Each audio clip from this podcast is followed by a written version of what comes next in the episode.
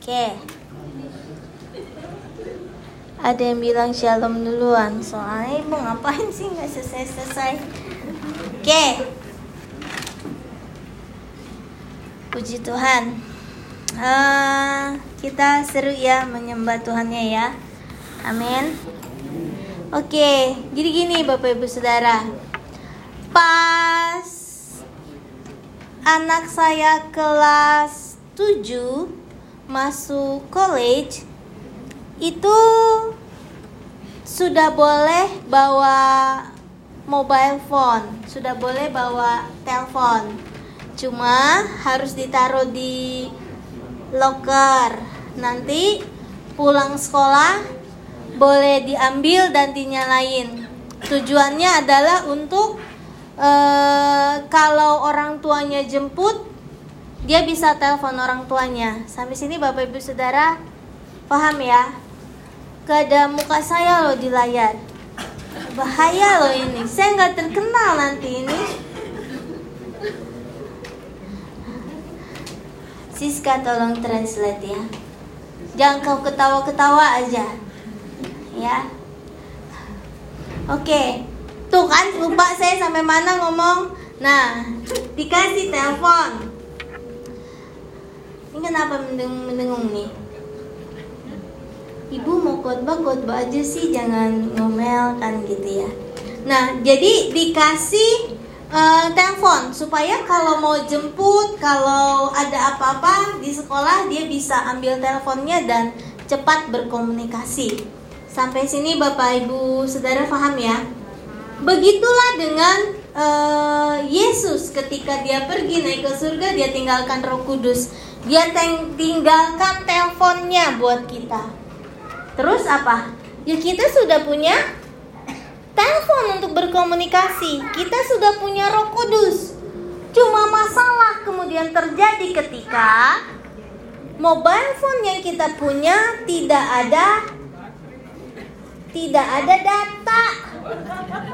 Tidak ada kalau orang Indonesia bilang tidak ada pulsa. Orang Malaysia bilang tidak ada kredit teleponnya. So dibawa-bawa walaupun baterainya full tidak berguna. Gitu. Makanya kenapa setiap anak Tuhan yang sudah uh, dibaptis percaya kepada Tuhan Yesus Kristus ada Roh Kudus itu. Dan Roh Kudus itu harus kita aktifkan dengan yaitu tadi diisi pulsanya, diisi datanya. Kenapa? Pulsa satu kali isi bisa membuat 365 hari masa aktif. Saudara paham sampai sini? Yang paham berarti masih pakai prepaid. Jadi ada tuh isi 50 dolar masa aktif sampai satu tahun. Tetapi kalau pulsanya sudah habis, ya bisa ditelepon tapi nggak bisa nel nelfon gitu. Karena ya aktif gitu tapi tidak ada tidak bisa telepon. Gitu. Makanya tetap harus diisi pulsa. Oh, kalau kita nggak pakai pakai nih roh kudus yang ada di dalam diri kita ya ada gitu. Tapi dia tidak aktif gitu. Makanya harus terus diisi harus terus diri charge gitu Nah, saya mau kita belajar untuk uh, uh, pakai pasca bayar. Jadi bayar sebulan sekali udah diisi full terus gitu sama Optus, sama Vodafone, sama Telstra. Uh, ya, tolong Telstra, Vodafone, ya ini di endorse. Apa sih? Eh, oke okay, kita buka Alkitab kita di 1 Korintus 12 ayat 1 sampai 11. Kenapa nggak ada gambar saya, Pak? Rusak ya? Oh, di situ. Ya ampun. Oh, ada di situ. Oke. Okay. Narsis sih. 1 Korintus 12 ayat 1 sampai 11. Judulnya Rupa-rupa karunia tetapi satu roh. Sekarang tentang karunia-karunia roh, aku mau saudara-saudara supaya kamu mengetahui mengetahui kebenarannya. Kamu tahu bahwa pada waktu kamu masih belum mengenal Allah, lain kepada berhala-berhala yang bisu. Terus Karena itu aku mau meyakinkan kamu bahwa tidak ada seorang pun yang berkata-kata oleh roh Allah dapat berkata terkutuklah Yesus dan tidak ada seorang pun yang dapat mengaku Yesus adalah Tuhan selain oleh Roh Kudus. Ada rupa-rupa karunia, tetapi satu roh. Dan ada rupa-rupa pelayanan, tetapi satu Tuhan. Dan ada berbagai-bagai perbuatan ajaib, tetapi Allah adalah satu yang mengerjakan semuanya dalam semua orang. Tetapi kepada tiap-tiap orang dikaruniakan penyataan roh untuk kepentingan bersama. Sebab kepada yang seorang roh memberikan karunia untuk berkata-kata dengan hikmat dan kepada yang lain roh yang sama memberikan karunia berkata-kata dengan pengetahuan kepada yang seorang roh yang sama memberikan iman dan kepada yang lain ia memberikan karunia untuk menyembuhkan kepada yang seorang roh memberikan kuasa untuk mengadakan mukjizat dan kepada yang lain ia memberikan karunia untuk bernubuat. Dan kepada yang lain ia memberikan karunia untuk membedakan bermacam-macam roh. Kepada yang seorang ia memberikan karunia untuk berkata-kata dengan bahasa roh. Dan kepada yang lain ia memberikan karunia untuk menafsirkan bahasa roh itu tetapi semuanya ini dikerjakan oleh roh yang satu dan yang sama yang memberikan karunia kepada tiap-tiap orang secara khusus seperti yang dikehendakinya.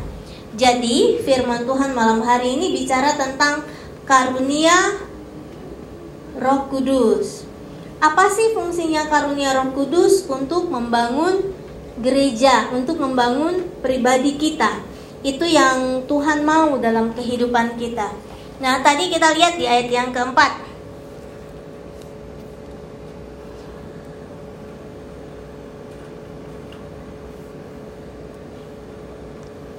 Udah kelihatan? Udah ya. Ayat keempat dong, Kak J. Ada rupa-rupa karunia, tetapi satu roh. Jadi karunia Roh Kudus ada berapa? Sembilan ya.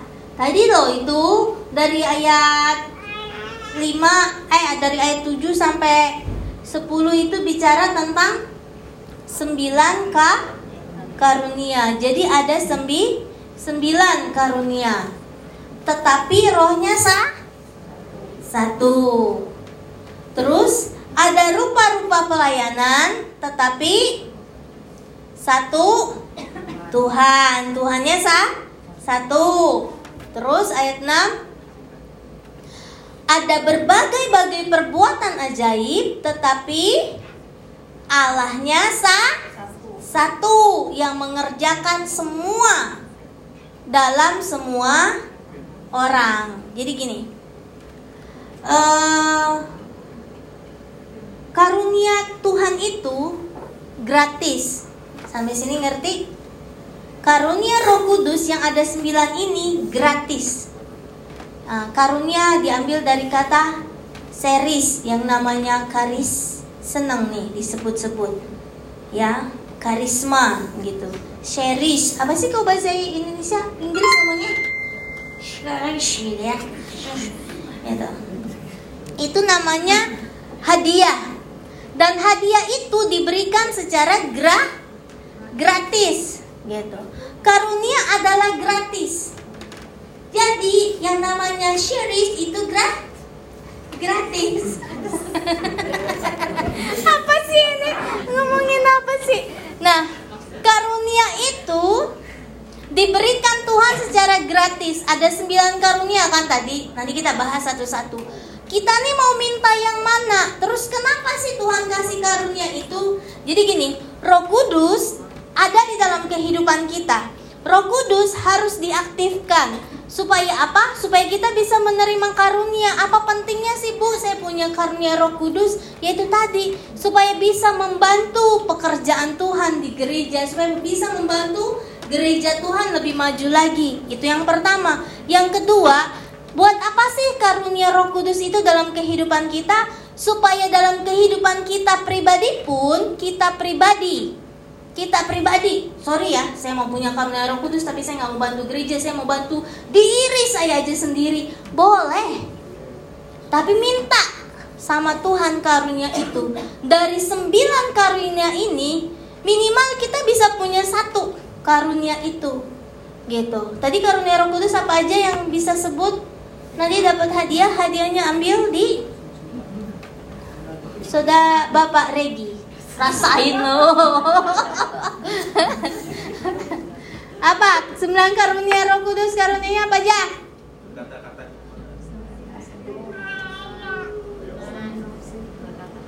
Regi nggak usah bantuin jawab nanti kamu harus ngasih hadiah. Hikmah pengetahuan iman. Ya udahlah. Percuma tadi dibaca ya nggak ngerti. Oke. Okay. pokoknya ada sembilan. Salah minimal kita bisa dapat satu. Buat buat memperlengkapi hidup kita misalkan kita punya karunia iman. Ya udah ini buat memperlengkapi hidup kita dari masa sekarang sampai masa yang akan datang. Tuhan saya nggak mau punya karunia bahasa roh yang bela-bela kata-kata gitu ya. Saya maunya dapat karunia iman aja ya boleh gitu. Minta sama Tuhan buat apa? Buat membantu kehidupan kita sampai ke hari depannya. Saya mau punya karunia iman Tuhan buat membantu gereja. Dari gereja sekarang sampai masa yang akan datang saya mau terus gunakan karunia iman saya untuk mengembangkan pelayanan di gereja lakukan minimal kita bisa dapat satu daripada sembilan ini nah tadi dibilang Rupa-rupa karunia satu roh. Rupa-rupa pelayanan. Tetapi satu Tuhan. Pelayanan itu apa sih? Pelayanan itu arti dari kata dasarnya adalah mengelola, membantu. Jadi kalau saya melakukan pelayanan, saya mengelola. Saya pelayanan di gereja, saya mengelola gereja. Saya pelayanan berarti saya membantu uh, di gereja. Oh, saya pelayanan di uh, rumah Ibu Emi. Oh, berarti saya membantu di rumah Ibu Emi. Saya pelayanan di gereja buat Injil, yaitu pelayanan Injil gitu. Terus di situ di ayat yang ke-6 bilang berbagai-bagai perbuatan ajaib. Perbuatan ajaib itu apa? Ada muzizat, kesembuhan dan sebagainya. Itu perbuatan ajaib. Orang mati bangkit. Itu perbuatan ajaib. Tapi Allah yang mengerjakannya sah satu. Tapi begini Bapak Ibu Saudara, perbuatan ajaib Tuhan itu hanya bisa diaktifkan melalui saudara dan sah saya karena di situ dibilang apa? Allah adalah satu yang mengerjakan semuanya dalam semua orang. Jadi yang mengerjakan Allah. Jadi saudara nggak bisa bilang begini, uh, saya nggak mau didoain Ibu Dewi, Ibu Dewi aja sakit gimana doain saya gitu kan? Uh, Ibu Dewi karunianya nggak menyembuhkan nih, kayaknya karunianya yang lain. Jadi saya datang sama yang lain aja, enggak. Yang uh, yang mengerjakan itu Allah. Kalau saya yang mengerjakan namanya saya du dukun. Jadi Allah yang mengerjakan. Kita tinggikan Allahnya. Sampai sini paham ya? Saya ini pendeta yang lain, hamba Tuhan yang lain cuma jadi alat yang akan mengerjakan apa yang Tuhan mau lakukan. Oke? Paham sampai sini? Nah, sekarang kita masuk ke karunia, karunianya. Karunia-karunia dimulai dari ayat 7 kalau nggak salah. Tetapi kepada tiap-tiap orang dikaruniakan penyataan roh untuk kepentingan bersa bersama, untuk kepentingan bersama. Jadi sembilan karunia ini sekali lagi saya bilang sembilan karunia ini minimal satu bisa kita pu punya kepentingan kita semua. Untuk kepentingan bersama. So, kalau dikasih, kalau disediakan, terserah kita mau ambil atau tidak, mau gunakan atau tidak, mau minta atau tidak. Saudara, anak-anak kecil kalau ulang tahun gak diminta selalu bilang, aku ulang tahun mana presentku gitu kan. Sampai nenek-nenek juga sama. Saya ulang tahun mana present saya gitu. Sampai umur 75, saya ulang tahun mana present saya. Masih terus nanya. Tetapi jarang sekali kita sebagai anak Tuhan bilang sama Roh Kudus, Tuhan, saya udah punya karunia bahasa roh, bla gitu ya. Laka laka laka gitu. Terus uh, saya mau karunia yang lain enggak. Kadang-kadang kita cuma stop, ya udah Tuhan, cukup. Yang penting saya keren. Kalau nyanyi di depan atau berdoa bisa berlelah gitu. Laki-laki bilang nah, ya. Enggak cukup sampai situ minta karunia yang lain, minta karunia yang lain terus sampai kita bisa punya banyak karunia untuk kepentingan ber bersama. Nah, ayat 8. Jadi begini.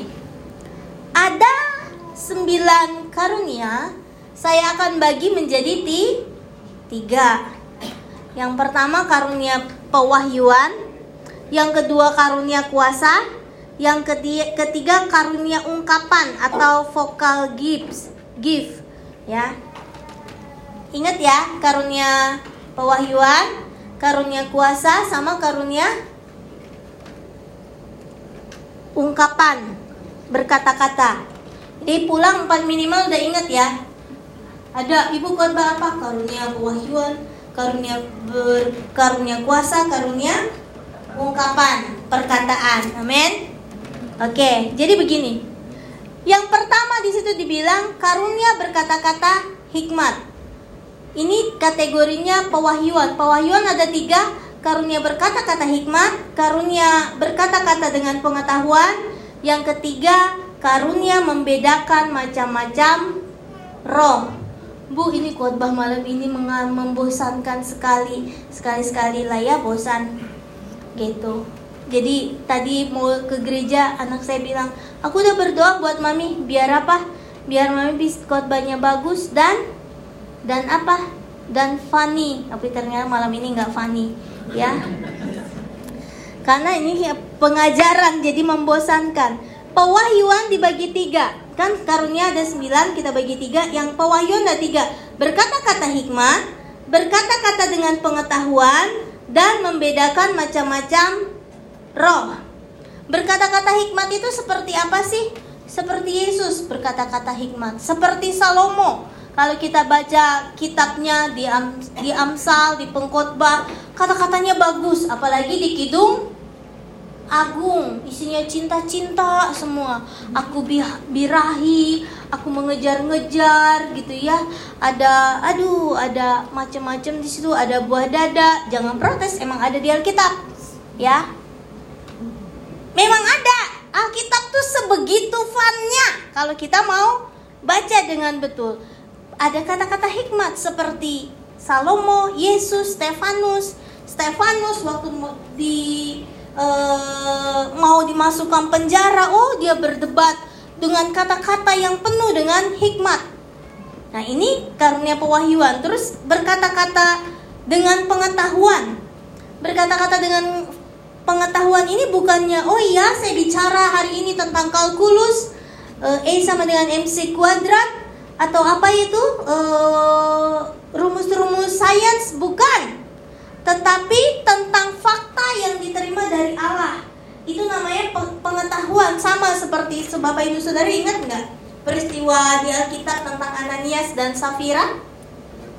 Ya yang bohong menyerahkan separuh dari apa yang dia jual. Tiba-tiba Paulus bilang, "Oh, kamu berdosa. Tahu dari mana? Kebenaran yang Allah beritahu sendiri." Gitu. Kalau ada perkara seperti Salomo gitu, ada ada dua perempuan yang bapak sempat khotbahkan. Dua perempuan ini anaknya siapa? Gitu ya. Terus Salomo bilang ayo belah aja anaknya.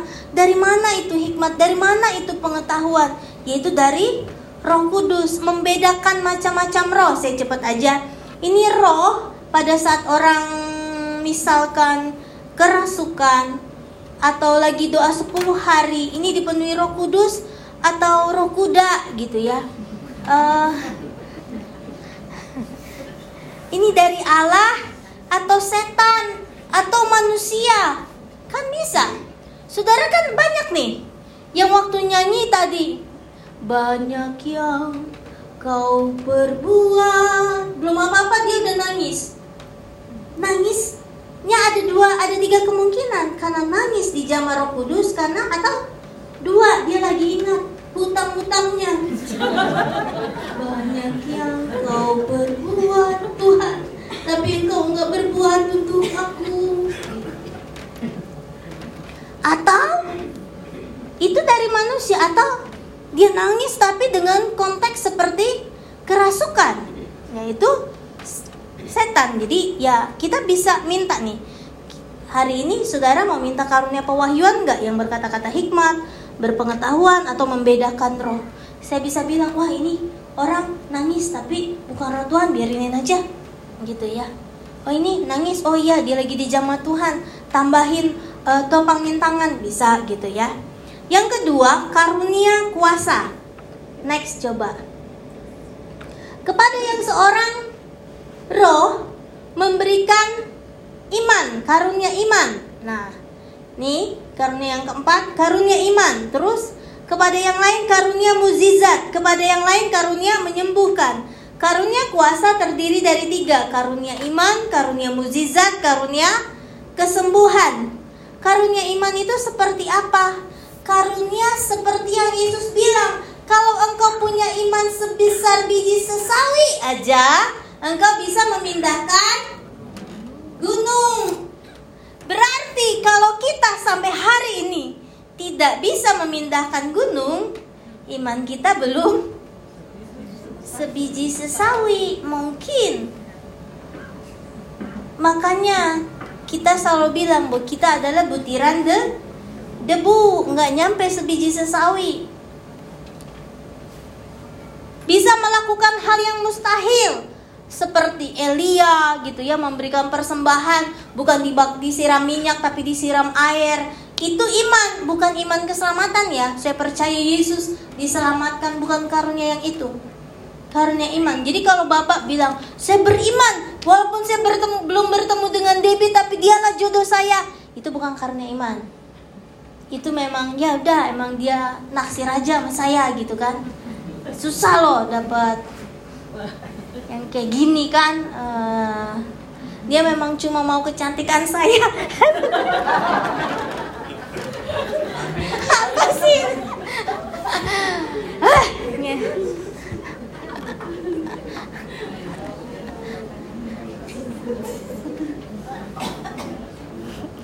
Aduh Tuhan ampuni. Bukan karena Iman di sini, karunia iman di sini yang dimaksudkan adalah untuk pelayanan, untuk kepentingan bersama. Kalau saya kan bukan buat kepentingan bersama, dong, buat kepentingan dia aja, gitu kan? Aku perlu penolong dalam hidupku, aku beriman Debbie menjadi istriku. Nah itu kan memang buat kepentingan dia aja, nggak ada buat kepentingan bersama gitu ya. Masa saya untuk sama-sama kan enggak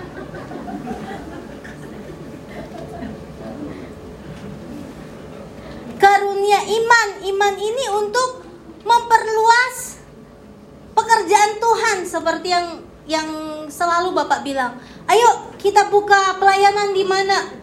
Ada siapa di sana? Enggak tahu. Hari ini kebetulan amnya datang. Ya, uh, saya senang lihat am. Jadi waktu pertama kali Bapak ajak ke Mildura itu yang diajak am. Ayo ke Mildura am. Ayo, kamu ada kenalan? Ada. Siapa kenalannya? Uh, kirain dia mau maju mau khotbah oh bukan ya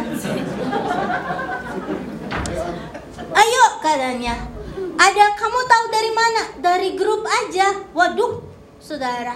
Tapi ya pergi aja jalan. Itu namanya karunia iman untuk membuka pelayanan yang baru. Itu bukan karunia iman. Oh, biar dapat kerja, oh, biar dapat jodoh. Itu mah terlalu ke kecil. Oke, sampai situ aja. Yang berikutnya adalah karunia mukjizat, kesembuhan, mengubah air jadi uh, anggur gitu ya. Ye, mabok kita.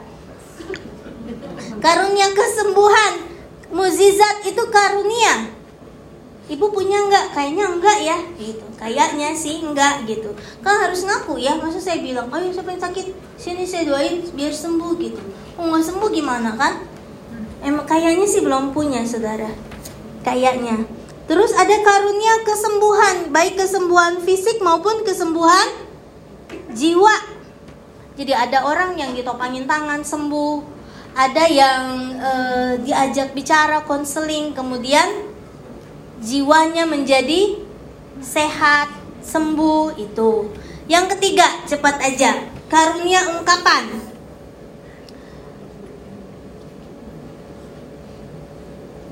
Ya, karunia untuk bernubuat. Bernubuat itu apa? Misalkan saya bilang, jangan takut ya, yang punya visa protection nanti Tuhan tolong supaya jadi PR terus saudara bilang talk my hand gitu ya. Kenapa? Kamu mungkin bu. Dari awal bikin 99,9% itu gagal terserah gitu ah, tetap bapak selalu bilang saya percaya nanti satu demi satu semua jadi permanen residen bagaimanapun caranya katanya Ya, itu ada karunia nubuat. Tapi ada yang lu buat. Lu yang buat. Tiba-tiba bilang, "Bu, kayaknya ada perempuan bilang, "Bu, kayaknya jodoh saya Brandly deh." Hah? Ini bu, saya bernubuat, Bu. Ini bukan nubuat, ini malu buat. Jangankan kamu. Aku juga gak belum menikah sama bapak bernubuat yang sama gitu beda nubuat itu buat pekerjaan Tuhan buat hal-hal yang besar buat sekali lagi dibilang apa kepentingan bersama kepentingan bersama bukan buat kepentingan uh, pribadi yang dagingnya kita berbicara gitu. Nah, berikutnya adalah ayat 11 karunia berbahasa roh. Nah, saudara, bahasa roh ini ada dua. Di zaman kisah para rasul, memang ada yang berbahasa roh namanya senolalia, yaitu apa? tiba-tiba saya bisa berbahasa Vanuatu. Saudara tahu nggak bahasa Vanuatu? Kayak dulu tuh di Robin Fell begitu ada nyanyi. Ini nyanyi apa sih saya bilang? Dia nyanyi apa berbahasa roh gitu ya. Ternyata memang itu bahasanya atau bahasa Afrika, bahasa suku suku yang tidak pernah kita tahu. Dia berbahasa yang seperti itu.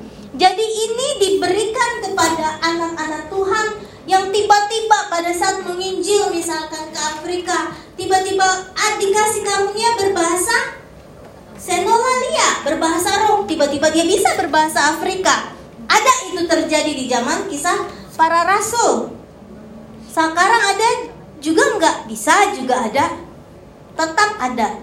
Nah, karunia bahasa roh yang kedua adalah gloso Lalia.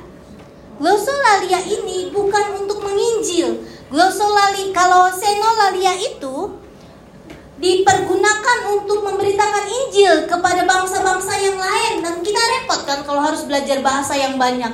Nah, Roh Kudus bisa kasih karunia berbahasa senolalia, karunia senolalia, tapi ada juga yang kalau saudara bilang salah lalu dulu kita tak bilang ini kita gitu ya itu glosolalia itu apa?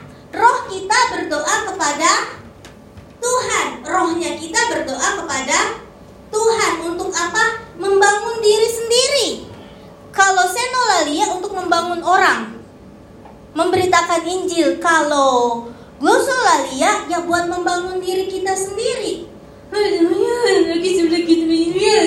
Ini apa? Ada hal yang tidak bisa diungkapkan, ada hal yang tidak bisa diceritakan kepada ibu kita, kepada ayah kita, kepada uh, pendeta kita. Kita cuma bisa ungkapkan kepada Tuhan.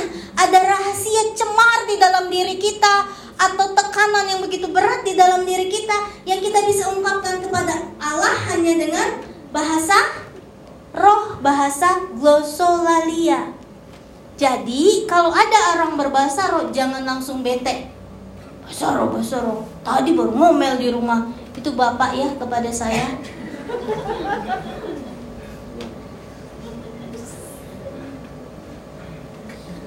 Ntar kita bahas. Nah yang ketiga dari karunia ungkapan ini adalah karunia menafsirkan bahasa roh. Saya mau tahu deh, kalau ibu Dewi nangis, itu ngomong apa sih? Jangan dibetain ibu tuh. Bapak ya jangan bete sama saya pak. Tuhan berikan saya karunia menafsirkan bahasa lidahnya Debbie. Supaya saya tahu dia ngomong apa sih gitu. Minta. Jadi jangan terus kita uh, mengecam orang lain. Oh bentar ngomel, bentar apa, bentar. Menangis-nangis lagi gitu. No kalau memang itu mengganggu hidupmu Minta karunia menafsirkan bahasa bahasa roh itu. Sampai sini paham? Oke. Nah, tadi kan ada saya bilang punya karunia roh, tapi kok masih jahat. Tapi ih kalau ngomong nyakitin hati, ih kalau kebaktian nangis, air matanya banyak tisu sampai habis gitu. Tapi kalau sudah keluar ngomongnya jahat, perilakunya nggak baik. Kok gitu sih bu? Katanya penuh roh kudus, ada punya karunia roh kudus. Saudara, karunia roh kudus atau pengurapan tidak ada hubungannya dengan kekudusan. Sampai sini paham? Karunia roh kudus atau pengurapan tidak ada hubungannya dengan kekudusan. Contoh, Daud main kecapi, ting, ting, ting, ting, ting, ting. ada urapan Tuhan Saul waktu kerasukan langsung hilang kerasukannya. Kenapa? Diurapi. Daud main kecapi, urapan Tuhan turun. Tapi Daud jatuh nggak dalam dosa? Jatuh dalam dosa perzinahan. Jadi karunia Roh Kudus tidak ada hubungannya dengan kekudusan. Karena apa? Karunia Roh Kudusnya kan dikasih Tuhan. Kalau dikasih bukan berdasarkan kita layak atau nggak layak ya mau ngasih aja. Saudara paham nggak? Saya mau ngasih saudara uang 50 dolar. Terus saudara bilang ngapain sih bu kasih? Mau ngasih 50 dolar gaji saya aja 1000 dolar seminggu. Ih terserah orang aku mau ngasih, gitu kan? Ih terserah Tuhan mau kasih. Terus Aduh, ada orang yang kaya dikasih merasa terhina. Ada orang yang miskin dikasih juga merasa terhina. Jadi Tuhan tuh bingung loh sama kita. Mentang-mentang aku miskin dikasih. Iya, salah lagi. Aku kan gak kaya, kenapa dikasih? Nah, kan ya. Jadi kalau yang namanya diberi, ya terserah yang memberi mau memberi karunia apa sama kita. Sampai sini paham ya? Tidak ada hubungannya dengan kekudusan. Ada orang yang bilang, iya berbahasa roh tapi begitu. Ya, ya itulah. Tidak ada hubungannya dengan kekudusan karena itu karunia dari Tuhan. Nah, terus kekudusan itu apa? Kekudusan itu hasil dari bersekutu dengan Tuhan. Bersekutu dengan firman Tuhan. Kenapa? Karena bahasa roh, bahasa lidah itu memang buat dia membangun jiwanya bukan karena aku berbahasa roh berarti aku kudus. Enggak gitu. Aku berbahasa roh karena aku nih cemar, punya banyak hal yang harus aku ungkapkan kepada Tuhan dan rohku yang harus sampaikan kepada Tuhan. Karena kalau aku yang ngomong mungkin aku malu, mungkin takut dihina, mungkin takut dihakimi, ya itu diungkapkan kepada Tuhan. Nggak ada hubungannya dengan keku kekudusan. Tetapi kekudusan adalah hasil dari makin kita sering bersekutu dengan Tuhan makin sering kita bersekutu dengan firman Tuhan makin gak suka sama dosa sama sensitif marah-marah mudah tersinggung jahat makin jauh itu hasil dari keku kekudusan di saudara bedakan antara karunia Roh Kudus dan buah. Understand? Nah, bulan depan temanya adalah buah roh. Sekarang bulan ini Roh Kudus. Karunia roh yang sembilan tadi kita minta sama Tuhan berguna buat pelayanan di gereja, berguna buat hidup kita. Nah, buah roh yang nanti uh, bulan Juni kita akan bahas adalah hasil dari kita hidup kudus, berguna buat diri kita dan menjadikan kita seperti Kris Kristus. Tapi kalau karunia roh itu diberikan Tuhan untuk memperlengkapi kita untuk kepentingan bersa bersama buat gereja. Tapi udah pasti orang yang dipenuhi karunia Roh Kudus nggak lagi manyun ngomong yang gitu ya makin lama makin indah hasilnya. Karunia roh kudus akan membawa kita makin dekat sama Tuhan. Sampai sini paham jadi malam hari ini uh, kita nih besok adalah hari Pentakosta uh, hari pencurahan Roh Kudus besar-besaran hari ke-50 hari orang Malaysia bilang gawai hari panen ya jadi orang Malaysia ambil ini dari hari Pantekosta gawai gawai itu hari panen hari Roh Kudus dicurahkan besar-besaran dalam kehidupan kita panen besar. Apa sih yang kita panen? Jiwa-jiwa keselamatan yang harus kita dapatkan. Nah, Bapak Ibu Saudara, eh, malam hari ini saya eh, ajak Bapak Ibu Saudara minta karunia roh. Mau yang mana? Tuhan, eh, Bu, saya mau dikasih karunia iman. Malam hari ini yuk kita minta karunia iman. Mau karunia apa? karunia menyembuhkan bu biar saya doain orang sembuh oh ya boleh begitu daripada sebel sama bapak saya suruh minta doa bapak nggak datang datang ibu minta saya datang berdoa. Ibu nggak datang datang minta mendingan berdoa. Tuhan kasih karunia kesembuhan. Sehingga bukan nggak usah bapak nggak usah datang saya aja yang datang. Gitu ya. Seperti itu. Nah sebelum saya akhiri firman Tuhan saya mau undang seseorang yang akan menceritakan bagaimana dia ketemu dengan Yesus. Saya panggil Rosna untuk cerita. Sini Rosna. Saya kasih waktu 5 atau 10 menit. Mana Rosnanya? Ya.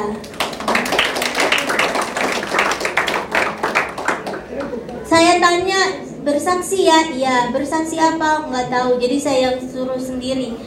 Gimana kamu ketemu sama Tuhan Yesus? Oke. Okay. 10 menit nih, jangan setengah jam ya. Mana cukup?